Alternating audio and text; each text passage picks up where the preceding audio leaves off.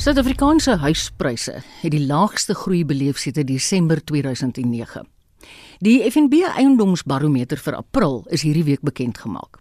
Tog kan die swak groei eerder op die plaaslike resessie as op die huidige inperkingsregulasies geblameer word, soos sê die eiendomsekonoom van FNB, John Loos. Volgens Loos sal die koronavirus-inperking waarskynlik meer van 'n invloed hê op die aantal transaksies eerder as op die eiendomspryse self. Vir my hieroor praat ons nou juis met John Loos. Hallo John. Hallo Mariette. Het jy die swak groei in die huismark verwag? Ja, ja, ek ek verwag dit al ehm um, en ons kan COVID-19 vir nou eers ignoreer want ek dink nie dis al in die syfers nie.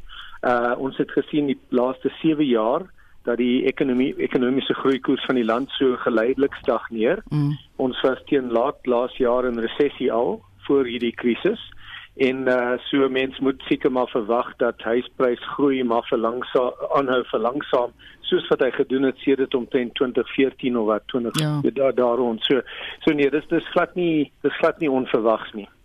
Watter rol het inflasie hierin gespeel? Wel ehm um, ja inflasie speel 'n rol nie maar maar uh, as 'n mens kyk na die huispryse in reële terme. Mm -hmm. Met ander woorde, die gebruik in uh, VPI inflasie byvoorbeeld om om aan te pas vir ja. die algemene inflasiekoers, mm. dan is dit uh, 'n negatiewe groeikoers. Met ander woorde, in reële terme daal huispryse. Ehm um, want inflasie is meer soos nader aan 4% en uh reële huispryse het gedaal sedert omtrent 2016. So met ander woorde in reële terme word mense se huise op gemiddeld uh goedkoper. Hoekom sou jy sê dat die inperking eerder invloed gaan hê op die aantal eiendomme wat verkoop word, maar nie op die prys van die eiendomme nie? Wat tipies gebeur daar daar's baie weerstand van uh huiseienaars teen verlaging van pryse. So as jy 'n ekonomiese skok het soos wat die ene wat ons nou mee is, kom ons praat nou oor die krisis want hy veroorsaak 'n baie dieper resessie as wat ons gehad het. Mm. Ehm mm. um, die uh, in die die ekonomiese teorie sê vraag en aanbod pas onmiddellik aan. Jy weet jy daar's 'n daar's 'n eksterne skok. Vraag daal pryse sal daal en totdat jy jou mark weer in in, in vraag aanbod balans is. Maar in die praktyk omdat daar weer weerstand is teen prysverlagings van kopers hulle hulle wil hoor dat hulle uh pry hulle glo hulle pryse is, is X en hulle weier om maklik te aanvaar dat dit nie meer X is nie. So daar's daai weerstand en as gevolg daarvan ehm um, be beweeg pryse baie stadig afwaarts. Wat gebeur ehm um, is die die mark ehm um, dit skep 'n oor aanbod. Mm. Ehm mm. um, 'n wanbalans in die mark word mm. eerder geskep en daar word baie min transaksies dan gedoen in so resessie mark, maar die pryse hou ongelukkig teen daai pryse wat wat mm. wat ehm um, hou word daar baie min transaksies beklink want dit is dis net nie dis te duur vir die ekonomiese ja mm. ja ja dis die probleem John as jy 'n voorspelling kon waag hoe dink jy gaan hierdie pandemie en hierdie inperking dinge die eiendomsmark raak Ek dink wat ons uh ek dink van nou af gaan ons waarskynlik sien dat hierdie huisprysindeks redelik vinnig in deflasie ingaan. Uh en ons verwag hierdie jaar dat dit daai deflasie koers kan 5 tot 6% omtrent wees. Ehm um, en te gelykertyd die wanbalans gaan erger eers raak, met ander woorde oor ja. groot oor aanbod van eiendom op die mark wat vir langer en langer daar gaan sit. Ek dink dis die onmiddellike toekoms nou. Ehm um, die mens moenie kyk net na die sogenaamde lockdowns nie. Ja, dit is nou baie erg die lockdown. Die ekonomie sal seker maar 'n bietjie verbeter van waar hy nou is as as ons ons geleidelik oopmaak. Ehm um, maar ek dink nie ons gaan maklik terug na die ekonomiese die vlak van ekonomiese uitset met ander woorde BBP wat ons was voor die hierdie krisis. Mm. So ek dink ek dink uh heelwat deflasie hierdie jaar volgende jaar miskien 'n klein bietjie ook en dan terug terug in die jare daarna na daai ehm um, lae positiewe prysgroei maar in reële terme daal jy nog steeds. Ek dink dit is waar die huismark is vir 'n aansienlike tydperk omdat ons uh selfs na hierdie krisis ons bly maar in 'n redelike swak ekonomiese groei tydperk as gevolg van al die land se strukturele ehm um, beleidsprobleme. John, kan ek jou vinnig vra, wat sou jou raad wees aan potensiële kopers en verkopers? Moet hulle maar net vasbyt. Ehm um, ja, verkopers die die probleem daar is om verkopers realisties te maak. Ehm um, die die realiteit is, jy weet dat daar is 'n ou mite wat vertel word nog al die jare deur baie mense dat huispryse hou hulle waarde. Dit, dit is nie waar nie. Ehm um, die huispryse gaan wel by tye uh, sterk op, maar hulle kom ook af. Mm. Baie keer baie keer nie in nominale terme nie, maar in reële terme gaan jy ja. agteruit. Ehm um, die die die as mens in in, in heidaglik met 'n resessie gaan baie mense in finansiële stres oh, ja. beland. O oh, ja. Ehm um, as 'n mens moet ek dink die jy weet om proaktief te verkoop en af te skaal is baie keer 'n goeie ding as jy in finan onder finansiële druk is mm. want 'n huis ehm uh, bring met hom baie aanhoudende ja. uh, kostes. Onderhoud en al sulke goed, ja. Onderhoud, dit is massief. Ehm um, as 'n mens dit nie kan ehm um, ehm um, byhou nie. Uh wees lieweste proaktief verkoop skaal af of gaan hier kry jou finansies in orde. Ek dink hy mense wat aan 'n huis vashou, dit kan 'n finansiële, dit kan ja, ruïneer as hulle dit nie kan hanteer nie. Baie dankie John, dit was John Loos, 'n eiendomsekonoom by FNB. Soos ons in die nuus gehoor het, sowat 19000 gevangenes gaan op parol vrygelaat word. Die minister van korrektiewe dienste, Ronald Lamola, het gister aangekondig dat die spesiale parol deel vorm van die land se maatreëls om die verspreiding van die koronavirus te staai. Volgens Lamola sal slegs lae risiko gevangenes oorweeg word. Dit sluit oortreders van ernstige geweldsmisdade soos moord en verkrachting uit nogal baie nuus as jy nou vat hoe stil is dit op die oomblik. 'n Virtuele gedenkdiens is gister vir die struggle veteran Dennis Goldberg gehou. Goldberg is verlede week in Kaapstad dood aan kanker. Corbin August doen verslag.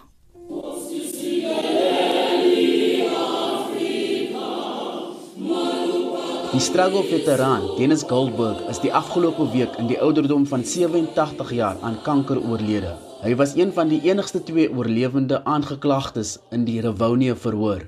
Hy was 22 jaar in die tronk nadat hy in Junie 1964 tot 4 lewenslange vonnisse onder apartheid opgelê is. Die sprekers wat tydens die aanlyn gedenkdiens hulde aan Goldberg gebring het, was onder meer sy kleinkinders, president Cyril Ramaphosa, die mede-beskuldigde in die Rivonia verhoor, Andrew Mlangeni, asook vriende. Een van Goldberg se kleindogters, Katie, het herinneringe van haar oupa uit Londen in Brittanje gedeel. He always joked with us. He encouraged us to work hard. He always wanted to play another round of cards with our dad. And the way he spoke of our Boba and Jack's mum, Hilly. And how he always listened to our opinions and debated with us. No one got off lightly, as I'm sure you can imagine. Being so far away meant that our relationship was mainly by phone or email, or sharing a funny picture in our family WhatsApp group. He went through phases of favouring different emojis, and for a long time, the cool guy with sunglasses was his response to everything, which always made us laugh. He was the ultimate cool guy after all. President Cyril Ramaphosa sê Goldberg sal onthou word as 'n man en 'n leier van onbetwisbare integriteit.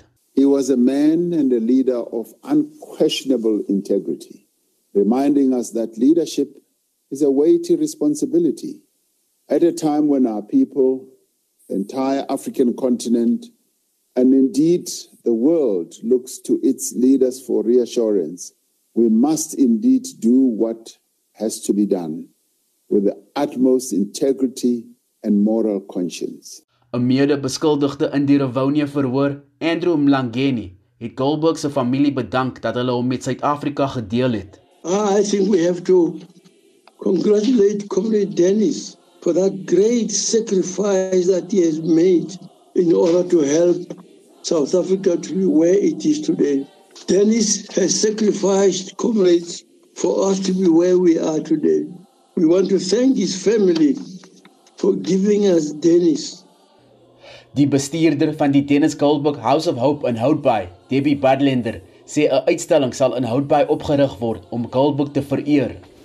In Dennis's eyes, arts and culture is probably the most powerful vehicle for bringing people together. He founded the Dennis Goldberg Legacy Foundation Trust to give momentum to that vehicle, especially for the children and youth across the different communities of Hout Bay. The Trust's core project is the Dennis Goldberg House of Hope, an arts and culture education center that will be built on the grounds of the Hout Bay Museum.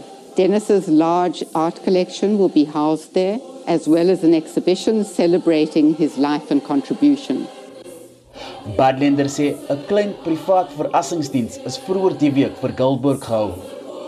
Sy familie het ook almal bedank wat vir hulle boodskappe van ondersteuning gestuur het.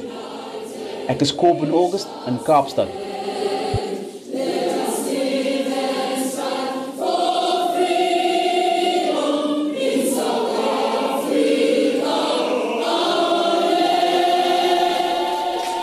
Ja, dis mooi.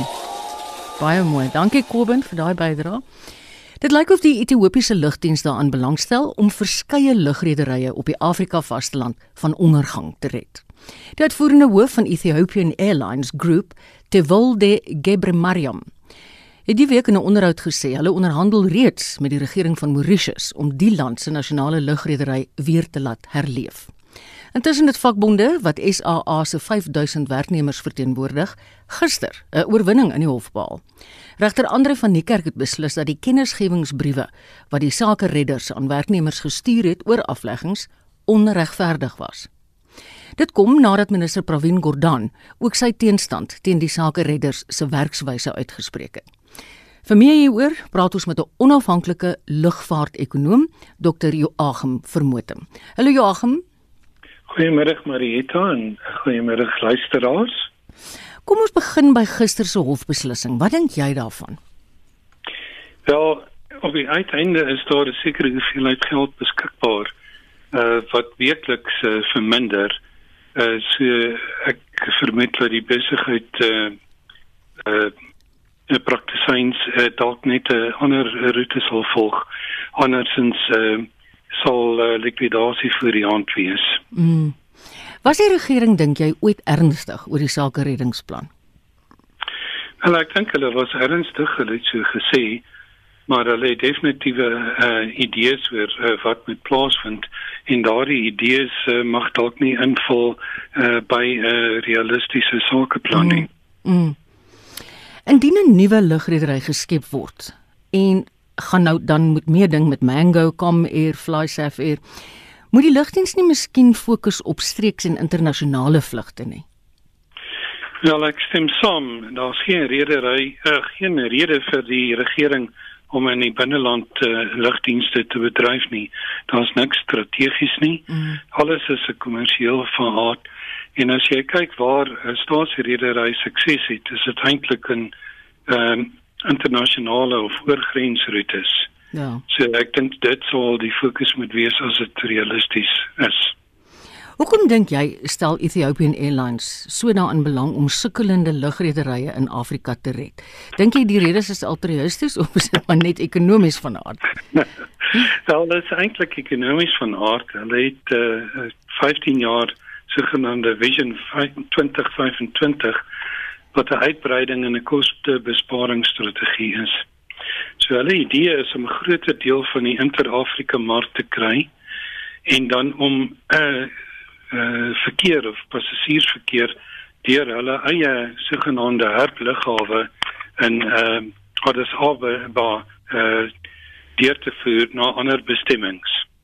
So dis hulle eintlik uh, hulle oorhoofse doelwitte.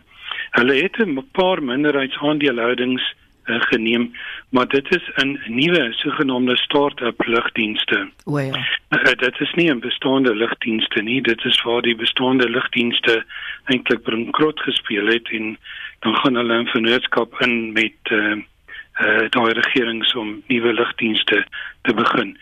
In daardie gevalle moet mense ook onthou dat dit is dan onder lug uh, Ethiopië se bestuur en hulle kry dan natuurlik ook inkomste strome van vliegtuigverhuuring en onderhoud en stelsels en sulke goeder. So dis nie net 'n belegging nie. Uh, dis aktiewe bestuur en natuurlik ook 'n uh, uh, inkomste bron. Uh, nee, gaan aan. Nee, dit verskil 'n bietjie van die vorige pogings wat uh, Swiss Air en Etihad gehad het. Uh, die twee rederye het 'n bestaande lugdienste belê wat in die moeilikheid geraak het en daardie moeilikheid het net uh, groter geraak en dan uiteindelik het dit die einde van Swisseer beteken en amper die einde van Etihad. Ja. Weet jy in watter lugrederye het Ethiopian Airlines alreeds 'n aandeel bekom? Ja, hulle het uh, 49% belang in Ethiopian en dan FK en Lome Togo het hulle 40% belang en dan het hulle 'n vol filiaal in uh, Mosambiek wat aan die gang is.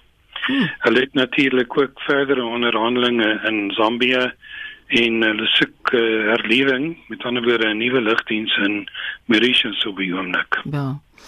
Nou Ethiopian Airlines het self 1 miljard dollar verloor met vlugkaartjies wat nou nie tydens die pandemie verkoop is nie. Glo jy die onderneming het genoeg geld om al hierdie transaksies te beklink? Wel, Marieta, ongelukkig op die oomblik uh, kyk lugdienste na hulle eie oorlewing. Ehm um, Ethiopië het wel soos gewone vliegtuie ag lugdienste uh, stappe geneem om kontant te bespaar. Uh, huurbetalings uitgestel, skuldbetalings uitgebei, uh, uitgestel en 'n uh, lugvrag uh, meer begin vlieg. Uh, maar 'n uh, onlangse uitspraak in uh, ek dink April was dat hulle net uh, 3 maande kan uithou voordat hulle finansiële hulp nodig het. 'n Mens kan net dink jy het jou volle koste wat hardloop en ehm um, dan het jy uh, eintlik effektief geen uh, inkomste nie, jy weet. So Ethiopië het privatiseringsplanne ook gehad voor die uitbreek van uh, COVID-19, maar dit is waarskynlik nou ook van die baan. Indien hulle 'n aanbod vir SAL maak, sal dit 'n wyse stap vir ons land wees. Wel, dit sal ook eh, 'n uh, aanbod wees vir 'n nuwe uh, start-up lugdiens wat onder hulle bestuur sal wees. Soos wat ek gesê het, hulle belê in bestaande bekrot mm, mm. uh, lugdienste nie. En uh, dit sal daarmee 'n uh, gerusstelling gee dat daar behoorlike bestuur vry van korrupsie sal wees, maar die regering sal dan nie 'n bestuursregenskap in die lugdiens self kan hê nie. Is daar ander ondernemings wat enigsins belangstel om ons lugdiens te koop? Nee, in sy huidige vorm nie. Dalk 'n nuwe maatskappy na die herlewing van die uh, COVID uh, ramp. Uh, 'n mens moet onthou dat regerings dwars oor die wêreld het meerendeels alle uh, geskeduleerde lugdienste uh, geground. As ek nou ja, ja, ja. mooi woord kan gebruik. mooi Afrikaanse woord. en uh, jy weet uh, so op die oomblik is daar eintlik nie enige lugdienste wat bedryf nie. Jy weet so 'n mens sal duidelik moet kyk na 'n situasie nadat hierdie uh, pandemie eintlik uitgewis is. So voor dit gaan dit baie moeilik wees om enige maatskappy te laat herleef. En wat is die onmiddellike praktiese implikasies vir mense wat vir SA werk? Wel ongelukkig dink ek is daar 'n groot probleem. Uh, die Israel is nie op sy eie lewensvatbaar nie. En ehm uh, is baie duidelik dat substantiëre fondse benodig sal word om enige lewensvatbare lugdiens daar te kan stel. So die jammerte is dat uh, daar is nie 'n kort pad nie. Ja. Ai baie baie baie dankie vir jou insig en jou tyd vandag. Dit was dokter Joachim Vermoten. Hy is 'n onafhanklike lugvaart-ekonoom. Oefen, beweeg, oefen, beweeg en oefen weer 'n keer. Na 6 weke se inperking is dit die boodskap wat drukgroepe môre met die wêreldwye beweeg vir gesondheidsdag wil oordra. Vir meer hieroor gesels ons met die woordvoerder van Pharma Dynamics, Nicole Jennings. Hallo Nicole. Hallo Marita. Met vlak 4 inperkingsreëls beskou baie Suid-Afrikaners dit nou as 'n uitdaging om net tussen 6 en 9 te oefen. Het jy enige raad hieroor vir ons luisteraars? Ja, ek dink dit is definitief vir ons almal moeilik op die oomblik dat ons vryhede so ingeperk is. Ehm um, ek dink jy weet wat 'n mens kan doen is uh binne in die reëls bly en dan tussen 6 en 9 oefen en net probeer om so ver moontlik nog steeds daai sosiale distansiering te implementeer. So die riglyne van die Wêreldgesondheidsorganisasie is om ten minste 1.5 meter vanaf mense weg te bly. Ek weet dit is uitdagend vir al die mense wat in baie ehm um, digbevolkte gebiede bly. Hier in die Weskaap byvoorbeeld vir my ons die strand en die promenade. Ja nee, ek moet um, jou sê, ek het daai uh, video beelde gesien. Dis ongelooflik. Dis ongelooflik en dit is 'n uitdaging want op die einde van die dag is dit ook so belangrik vir mense om bietjie vars lug te kry, om 'n bietjie buitekant te kom, om bietjie sonlig te kry. Mm. Jy weet, en nie almal het 'n tuin waar hulle waar hulle hierdie tipe van oefening kan aanpak nie. Daar praat um, jy waar, ja. So ek dink dit is uitdagend. Nog 'n ding wat mense kan doen is natuurlik 'n goeie kwaliteit masker wat ten minste jy weet daar's so baie op die oomblik op die mark. So om mm. te kyk na een wat regtig ordentlik mense neus en mense mond bedek en wat aan die kante nie so oop is dat dat mense eintlik in elk geval ehm ja. um, dat dit nie regtig effektief is nie. Precies. En dan dink ek ook, jy weet, hoe weier mense sirkel om mense hardloop hoe verder hardloop mense op die ouens van die dag. Meer treetjies maak jy op vir jou horlosie. ja, so hardloop maar net kring is wat Weet jy, ek sien nou in die oggende as ek 'n uh, werk toe ry, dan sit nou sien net maar so kwart oor 8 se kant. Weet jy dan hardloop hulle langs mekaar. Daar's honde, daar's mense wat fietsry. Dit ek ek kry nie die indruk dat hulle regtig wat daai afstand hou nie. Ag maar dit ek dink dit is so moeilik um, met met die met die uh, beperking op tyd vir mense. Jy weet mense moet sê dit dit maak dit ingewikkeld want daar is so baie mense op die op die jy weet in die paai op daai tyd in die dag mm. en ehm um, ek dink as mens regtig 'n hoë risiko individu in die huis het of 'n mens voel dat dit net dit dit, dit net te gevaarlik is om tydens daai tyd te oefen dan is dit ook mos altyd moontlik om binne in die huis ook 'n goeie yeah. cardio en krag oefening ja. in te werk. Ja. Ehm um, ja, maar ek weet jy weet dit is dit is psigies en fisies ook vir mense belangrik om bietjie buite lig te kry. Ehm um, mense kan daar 'n winkel toe gaan. Baie ja. kan die beperkte ure, maar dis is dan mense son lig kry wanneer mense inkopies doen. Waar mense ook net sekere inkopies kan doen. ja, dis waar, dis waar. Kyk, ons almal weet oefening is belangrik vir ons gesondheid, veral dan nou vir mense met uitdagings soos argumentsonthaalwe, diabetes en hartkwale. So, wat is jou insig daaroor? Ja, ehm um, gereelde matige oefening so dis 30 minute oefening ten minste 3 keer 'n week is regtig 'n hoeksteen van siektebestuur vir mense met kardiovaskulêre kondisies en diabetes. Ehm um, en die wêreld uh, of die die Suid-Afrikaanse Hart en Beroerte Stichting liewer ehm um, beweer dat tot 80% van hartsiekte in Suid-Afrika uh, vermy kan word deur eenvoudige leefstylveranderinge en dit is regtig dinge so eenvoudig soos um, 'n gesonde dieet, 'n bietjie laer in vet en kalorieë, die beperkte gebruik van alkohol en tabakprodukte wat natuurlik nie nou Nee, my suster op die oomblik neem ons 0 per mond, hoor. ja. So daai gesondheid issue is daarom nou nie so so uh, relevant nie. En dan natuurlik ook net daai matige oefening. Ehm um, En net om te noem dat hartsiekte in Suid-Afrika die tweede meeste lewenseis en dis net net na ehm um, vigs. Ja. So dit is regtig 'n massiewe probleem in die land en ehm um, jy weet daar is nog daai mispersepsie dat dit ehm um, jy weet uh, nie 'n leefstylkondisie is nie maar dat dit iets is wat 'n mens uh, jy weet erf by jou ouers of as dit in die gesin as dit in die familie is dan gaan dit jy weet outomaties ja, ja, ja. kry. Dit is regtig nie die geval nie. Nee ek dink leefstyl het baie daarmee te doen. Jy is ek reg as ek sê jy's betrokke by 'n spesiale oefenprogram. Dis reg ja. Hoe werk hy Okay, so ons Farmer Dynamics het hande gevat met een van die wêreld se voorste CrossFit families. Hulle is die Finkels en wat ons gedoen het is ons het 'n oefenprogram aan mekaar gesit vir mense wat verskillende vlakke van fiksheid is. So ons het vir beginners, medium en dan ehm um, jy weet jy tipe van jou superatlete en dit is regtig ehm um, relevant vir enigiemand. So almal in die gesin kan deelneem. En um, ons gaan hierdie oefenprogram môre om 10:00 op ons Facebookblad uitsaai. En die idee is dat jy jy het absoluut niks nodig nie. Jy het net jou tekkies en jou gesin nodig. En dan kan jy in die gemak van jou huis hierdie oefenprogram doen en dan kan jy jy weet soos vir die week se aangaan deur die verskillende fases beweeg. Ehm um, basies om fiksheid en om nog steeds jou oefening te bevorder ja. oh. terwyl jy binne in die huis bly en veilig bly. Hoorie Janine, ek wil nou net vir jou vra. Ehm um, Nicole, ekskuus. Ek sien nou van raak ons noem ek jou sommer Janine. Ehm um, kan 'n mens te veel oefen?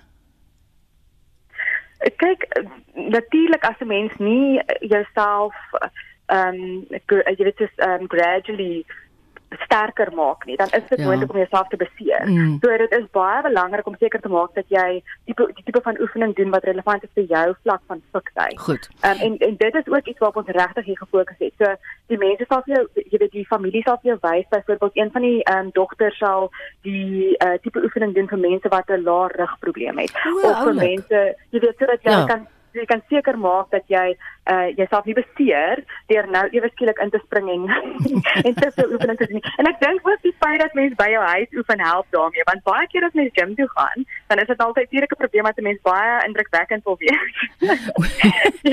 Hoorie Nicole, ek wil net vra, sien net vir ons mooi die Facebook bladsy vir môreoggend 10:00. Dis Pharma Dynamics SA op Facebook. So gaan op jou eie Facebook bladsy uh, um, blad in en tik okay. in Pharma Dynamics SA. Fantasties.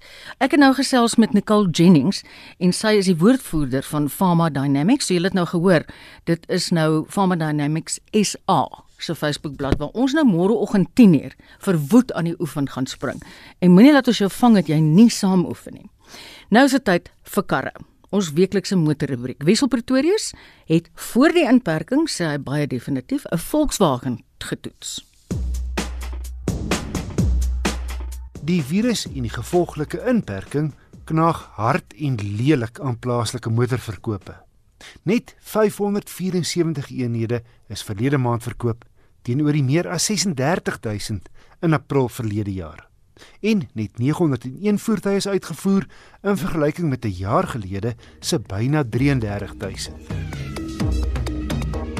Voordat die motormark in die hek geduik het, het Volkswagen se nuwe Polo-gebaseerde T-Cross soos soetkoek verkoop in die kompakte kruisvoertuigklas waar dit in die Ford EcoSport en meer as 'n dosyn ander teenstanders te staan kom. Visueel is dit die sterk horisontale lyne wat opval. 'n Veilige voorkoms met alles wat proporsioneel netjies balanseer. En terwyl Volkswagen se luikere deesdae net so 'n dun streepie sierrooster tussen die hoofligte het, is die T-Cross groter al tikkie uitspattigheid kry jy agterlangs 'n ligstrook wat van die een agterlig reg deurloop tot die ander een. Die T-Cross is net oor die 4,2 meter lank wat hom 'n bietjie langer maak as jou nuwe geslag Volkswagen Polo. Maar hier's bedrieglik baie spasie binne. Omdat die daklyn hoër is as die van die Polo, voel hy lekker ruim voorlangs. Wat handig is, is dat die agterste sitplek vorentoe en agtertoe kan skuif met die bank op sy heel agterste posisie gestel. En ek die voorste sitplek vir my 1,92 meter lange lyf gestel het kan ek agter myself sit sonder dat my knie die voorste sitplek raak of my hare die dak kilie. En die bagasiebak is heel billik Hier is 'n volgrootte spaarwiel heel onderin en waarvan ek hou is die bodembedekking kan jy hoër stel as jy wil indien jy goed wil skei of minder sigbaar maak. Al negatiewe is dat terwyl die Polo sagte materiale het in die paneelbord en hier langs die kante, het die T-Cross harde plastiek. Wat so 'n bietjie afbreek doen aan die algehele ambiance binne.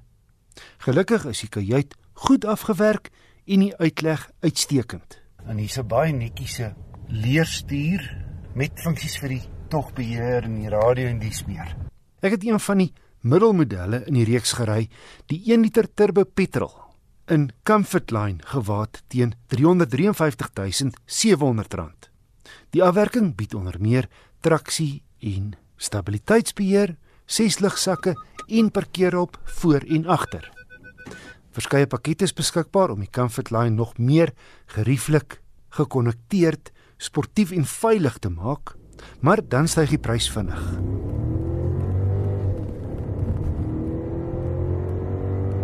Die turbo-aangejaagde 1000cc 3-silinder stoot 85 kW en 200 Nm wrinkrag uit. Die 7-gang DSG outomaties skakel glad en vinnig. Kortom, hierdie is 'n heerlike waantjie om te bestuur.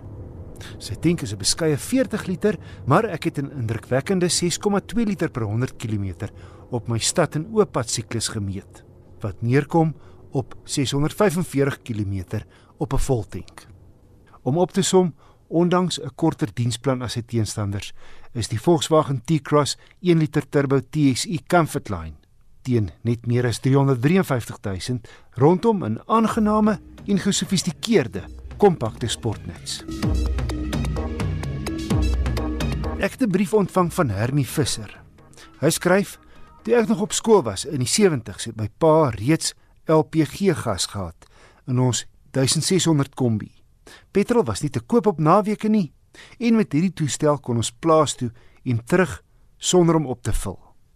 Die dienste was ook verder uitmekaar omdat die engine olie skoner en vonkproppe langer gehou het. En hy vra hoekom is daar nie meer volstasies waar gas gekoop kan word nie Waarom is die voertuiginstallasiekoste so hoog? En dan as koolstofbesoedeling so 'n belangrike faktor is, waarom word gas nie meer gebruik nie? Kom ons hoor hoe antwoord Nicolou. Hy is die tegniese konsultant by Kaarttydskrif en die besigheid ontwikkelingsbestuurder by SVU gepantserde voertuie. Daar was 'n interessante vraag van Hermie en um, ek het toevallig op my universiteit so daar was daar 'n projek gewees waar ons 'n Toyota Condor omgeskakel het om op LPG gas te loop dan. Maar hoekom sien ons dit nie meer in Suid-Afrika nie? Ek dink ons moet eerstens kyk na die koste. LPG in Suid-Afrika is redelik duur. Jy betaal so R28 per kilogram.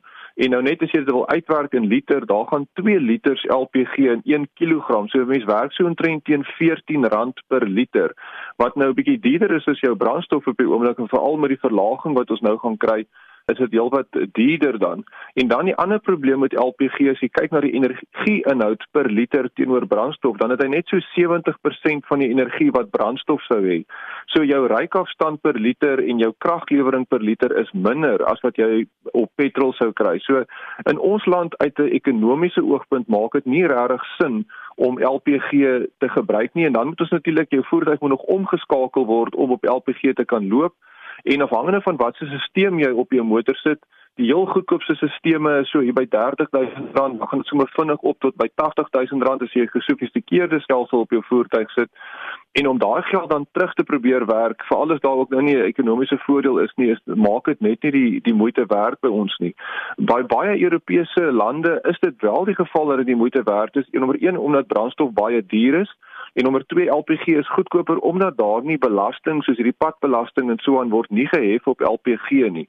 Maar mense kan ook maar dink um, wanneer alle motoriste gaan oorskakel na LPG, dink ek die regering van daai land sal ook besef hulle verloor belastinginkomste en dan sal hulle dit ook maar weer op LPG sit en dan vat kry jy nou weer daai voordeel nou nie.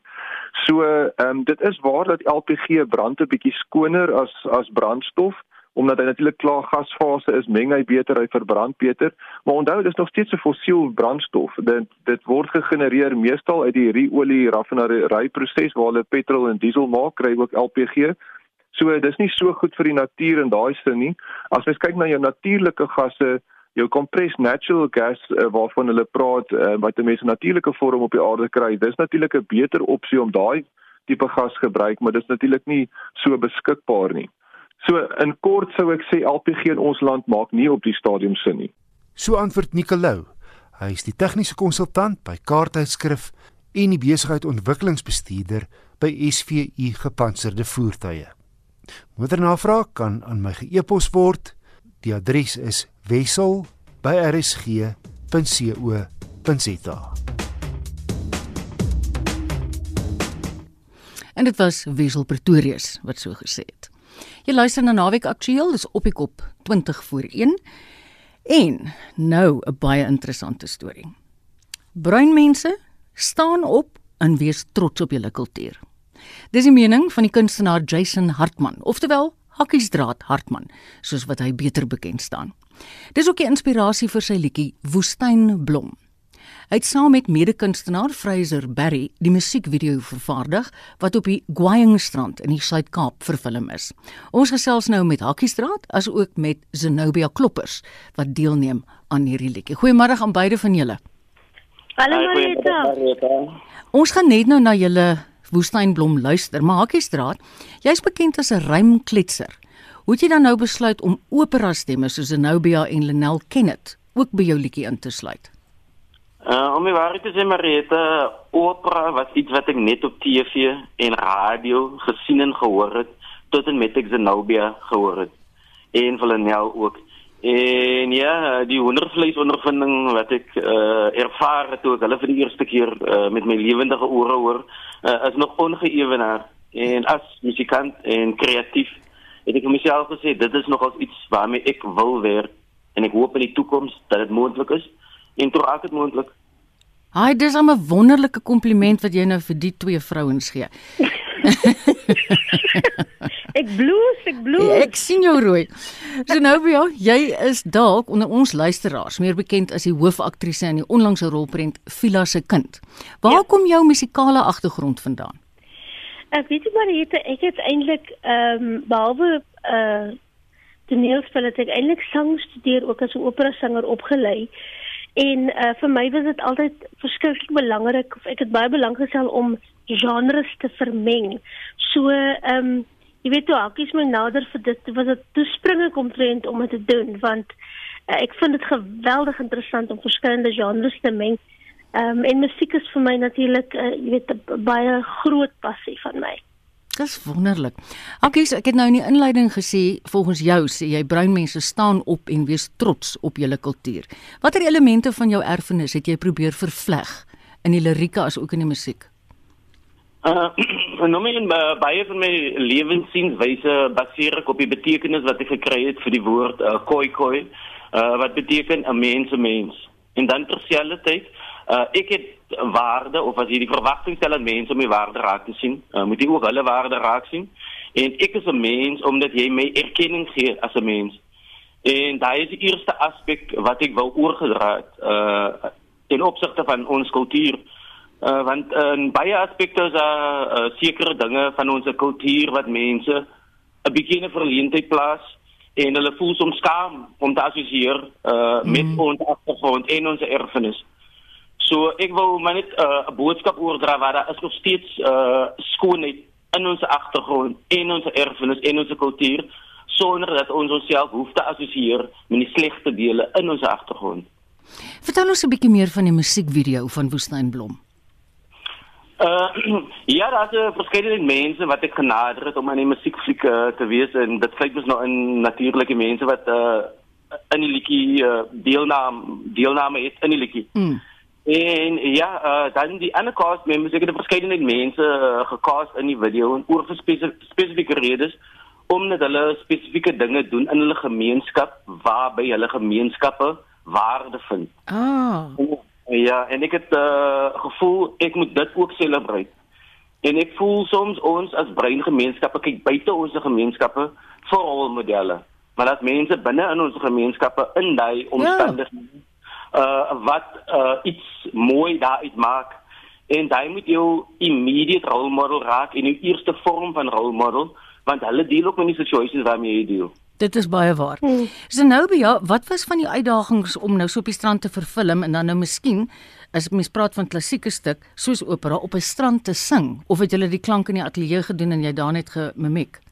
ja, nee, ons het beslis die klank in die ateljee gedoen. Ah. En natuurlik Fraser Berry het 'n wonderlike studio in Kleinmond. Ehm um, so ons het so daar opgeneem en uh natuurlik die die hele klankvermenging was gedoen deur DJ Reddy. Ehm um, maar toe ons op die strand was, ek dink een van die groot uitdagings was die die sand. Is dit? En die water. Ek het ek het 'n pragtige skoene saam met my geneem om aan te trek maar toe moet ek maar in my boots rondloop. So 'n goeie ding mense kon my voete sien. okay, so kom met jy besluit jy gaan spesifiek op Gwaing strand vervilm. Uh Gwaing strand is uh, 'n uh, plek van van van genesing vir my en ook vir baie ander mense en ek dink mense gaan soms einde van die jaar somer toe gaan almal strand toe vir 'n bietjie genesing van elke dag se ja. uh, die dae in Basel. Ek hoor jy sê Gwaing is is gewoon ek weet wat dit beteken nie. Ek het al probeer opsoek. Ek het ek het die idee nie. 'n uh, ander bynaam vir die plekjie is hulle noem dit Kruikie Burn. Of sommige mense vernoem sommer na dit as Pakkelsdorp se see uh, ja, ja. Maar ek moet jou sê ek daar's mos gegwang rivier ook Ja, nou dit is die plek waar die Gwain rivier uh by die Montenisee die Oseaan ingaan. Ah. En dit is 'n as as 'n kamp area, uh day camping en dan tent en caravan camping. En dis 'n plek waar pakkersdorpers heen gaan, uh, mense uit die Suid-Kaap ook en mense van verskillende plekke in die wêreld uh, om te kom kamp. En uh, die beauty daar en die genesingskrag van die plek is een van die dinge uh, wat ek wou weer speel in die video. Ek sien. Want uh, as mense in Suid-Afrika het ons ook 'n uh, tipe van genesing nodig om te deel met die dinge waarmee ons al gedeel het in ons geskiedenis. Ek moet sê daar praat jy waar ons deel nou soos jy sê ook met ietsie. Hmm. Ja. Ja, as ons kyk net vir kies waar ons deel in ons genesing uh hang van verskillende goed af. Ja. As jy net nodig uh as jy net medisyne uh wat genesing bied. Mm. En ja, van ek wat ek weet van Gwaine se plek waar mense gegaan het vir genesing. En, dit is 'n baie mooi beeld. Dis 'n baie mooi beeld. Ek is verskriklik nuuskierig om hierdie liedjie te hoor, maar ek wil net gou vir Zenobia vra. Wat het jy gevoel is die boodskap wat Hakkies vir ons met die liedjie probeer oordra? Wie Marieta, een van die groot dinge vir my is dat daar's 'n lyn in die liedjie wat sê hell is under fire from peace and prosperity and love. En dis die groot ding, ehm um, dat liefde en hoop ons is vol daarvan. En ek dink dis ons ons beliefde is die oorwinning uh, teen jy weet teen mm. al hierdie negatiewe en selfs nou soos jy sê met hierdie uh, pandemie. Ja. Dis 'n groot ding en ek dink die liedjie spreek tot dit ook want daar's 'n spirituele aspek wat so groot is in hierdie liedjie. As jy net kyk selfs na die beelde, mense kan dit op YouTube gaan kyk. Ehm um, net die beelde wat gebruik word is is so wonderlik. Dis nee, dit, dit gee vir my 'n sin van heling as ek daarna kyk. Dit is baie baie waar. Ek gesels met die kunstenaars Hakkiesdraad Hartman en Zenobia Klopper en nou nooi ek julle twee en die res van ons luisteraars, maar uh Lenet Lenel ken dit ons ook hier so in om te luister na Woestynblom.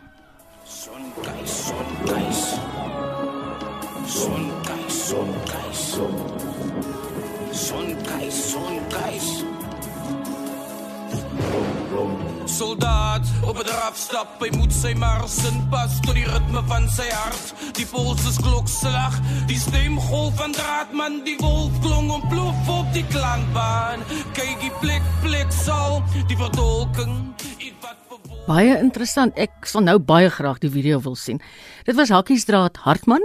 Hy en Fraser Berry het 'n musiekvideo vervaardig met die naam van Woestynblom. Ons het ook die stemme gehoor van Zenobia Kloppers en Lenel Kenneth. Die polisie se onafhanklike ondersoekeenheid Opot ondersoek 50 sterfgevalle gedurende die staat van inperking. 10 van die sterftes hou verband met die polisie se inperkingsoptredes. Opot en die polisiebestuur het die gesamentlike parlementêre komitee oor polisie en justisie toegespreek. Zelin Merrington het meer. Die polisie se hardhandigheid het kort na die inperking aangekondig is onder die soeklig gekom. Volgens Opot gaan baie van die klagtes oor aanranding Gedurende vraatyd het die polisieminister Bekkie Cele aan LPS erken dat sommige polisielede die perke oortree. Indeed, there is uh, members that sometimes they get overexcited, but not too many of them. Many members they do their job accordingly, according to the book, and many members they will be there to make sure that they do their job sometimes, Honorable Member, Mr. Uh, uh, Terabas, under a heavy provocation. Oopot sê gedurende die tyd is meer as 800 klagtes ontvang. Meer as 370 is direk verbind aan die polisie se COVID-19 operasies. 50 sterftes word ondersoek. 18 hiervan het in polisie aanhouding gebeur en 32 sterftes is as gevolg van aksies deur polisie. Uit die 32 hou 10 direk verband met die polisie se COVID-19 operasies. Oopot se waarnemende hoof van ondersoeke Tuso Kiafelakai sê hulle is bekommerd oor die polisie se hardhandigheid. We are concerned about the complaints that we are receiving from the public about the use of the excessive force by members of the SAPS um, stroke MPS. And we further that say that most of the complaints received from members of the public centered around being assaulted by police and, and discharge of official firearms. Generally, the complaints are about excessive use of force and physical abuse. It would be really difficult on two matters to come and deal with the matters that are not concluded. And uh, you say uh, these are the action of the police. Die polisiekomitee se voorsitter, Tina Jumat Patterson, sê dis belangrik dat elke bewering ondersoek word. Every allegation must be thoroughly investigated and you have assured us that this has been done. You've also assured us that cases will not be closed prematurely Where the cases are still ongoing, we do not expect you to give us the detail because that will interfere with the processes of your investigations. Dit was die voorsitter van die polisie se portefeulje komitee, Tina Jumat Patterson, Zelin Merrington, Parlement. Die Grendelstaat het klein sakeondernemings 'n kwaaiknou toegedien. Baie se moet handdoek ingooi, maar ander probeer planne maak. 'n Klein onderneming in Port Elizabeth wat voorheen spyseniering gedoen het en etes verskaf het, Dinner for You, is een van hierdie. Sake het drasties verander, maar hulle probeer steeds om die pot aan die kook te hou. Veronica Fourie doen verslag. Die verwelkomende geur van pruttende sop, jaffels op die vlam en 'n breedie met 'n lang sous verwelkom ons. Elmarie Samson se voorskoot getuig van hande wat al vandag baie afgevee is. Haar hartlike groet agter die toonbank met die handsaniteerder in die hand, noop mens om kombuise kant toe te loer. Vandag staan sy en slegs een helper bond om darm 'n paar etes wat vooraf bestel is te kook en betyds afgelewer te kry. Dis mos wat die regulasies sê. Die onderneming is 25 jaar gelede gevestig. Meeste van my werk was vir maatskappye gewees. Ons het etes gedoen vir middagetes vir waar hulle opleiding gedoen het en ek praat van groot groepe. Ons het ook toe op gemiddeld op 'n dag tussen 70 en 80 wegneem etes gedoen waar die mense nou van die werk af kom, hulle tel hulle kos op. Nou op die oomblik, ons was vir 5 weke toe, het daar geen inkomste ingekom het nie. Ons kon deurdruk want my man werk vir 'n salaris. My staf het dit baie hard geraak want daar was absoluut geen inkomste vir hulle nie. Ons het die UIF aansoeke gedoen en al daai tipe goed, maar dit was nie 'n groot bedrag wat hulle gekry het sover nie. Hulle het kinders, gesinne. Met die inperking is daar nie sprake van die floreerende besigheid tevore nie. Ons het nou maandag begin. Ons doen nou soos wat per regulasies net afleweringe. Dit vergelyk glad nie met wat ons voorheen gedoen het nie. Maar ons doen wat ons moet doen om kos op die tafel te hou. Geraldine Tali het ook voorskot aangetrek en sit behendig die deksel op die reuse pot wat gesellig stoom blaas. Vanaand kan sy ook by die huis die potte laat kook. Dis uh, 14 jaar oud en ek verloor. En die lockdown was baie stresvol. Ek moes rent betaal, my kinders moes eet. En in hierdie tyd het ek net gedink aan my kinders, wat gaan van my kinders, wat van my familie? En vandag is ek baie excited om weer by die werk te wees. En ek kan nie op dankie sê nie, want ek is net excited om weer terug te wees. Die twee het in 'n japtrap 'n skinkbord vol kospakkies voorberei wat afgelewer moet word. Die hoop is dat dit binnekort sal verbeter as meer mense kan terugkeer werk toe wat kan staatmaak op smil lekker huiskos. Veronica Fourie in Port Elizabeth. Duisende Indiërs het hierdie week gestoei om drank te koop na die verbod op alkoholverkope in Indië opgehef is. Amptenare in die hoofstad Delhi het 'n enorme belasting van 70% op drank ingestel en ongelukkig het die mense nie sosiale afstandmaatreëls gehandhaaf nie. Vincent Mofokeng doen verslag. Sommige winkels in Delhi se voorraad het opgeraak kort na hulle maandag weer oopgemaak het. Dinsdag het baie winkels toegebly omdat hulle bang was vir 'n stormloop.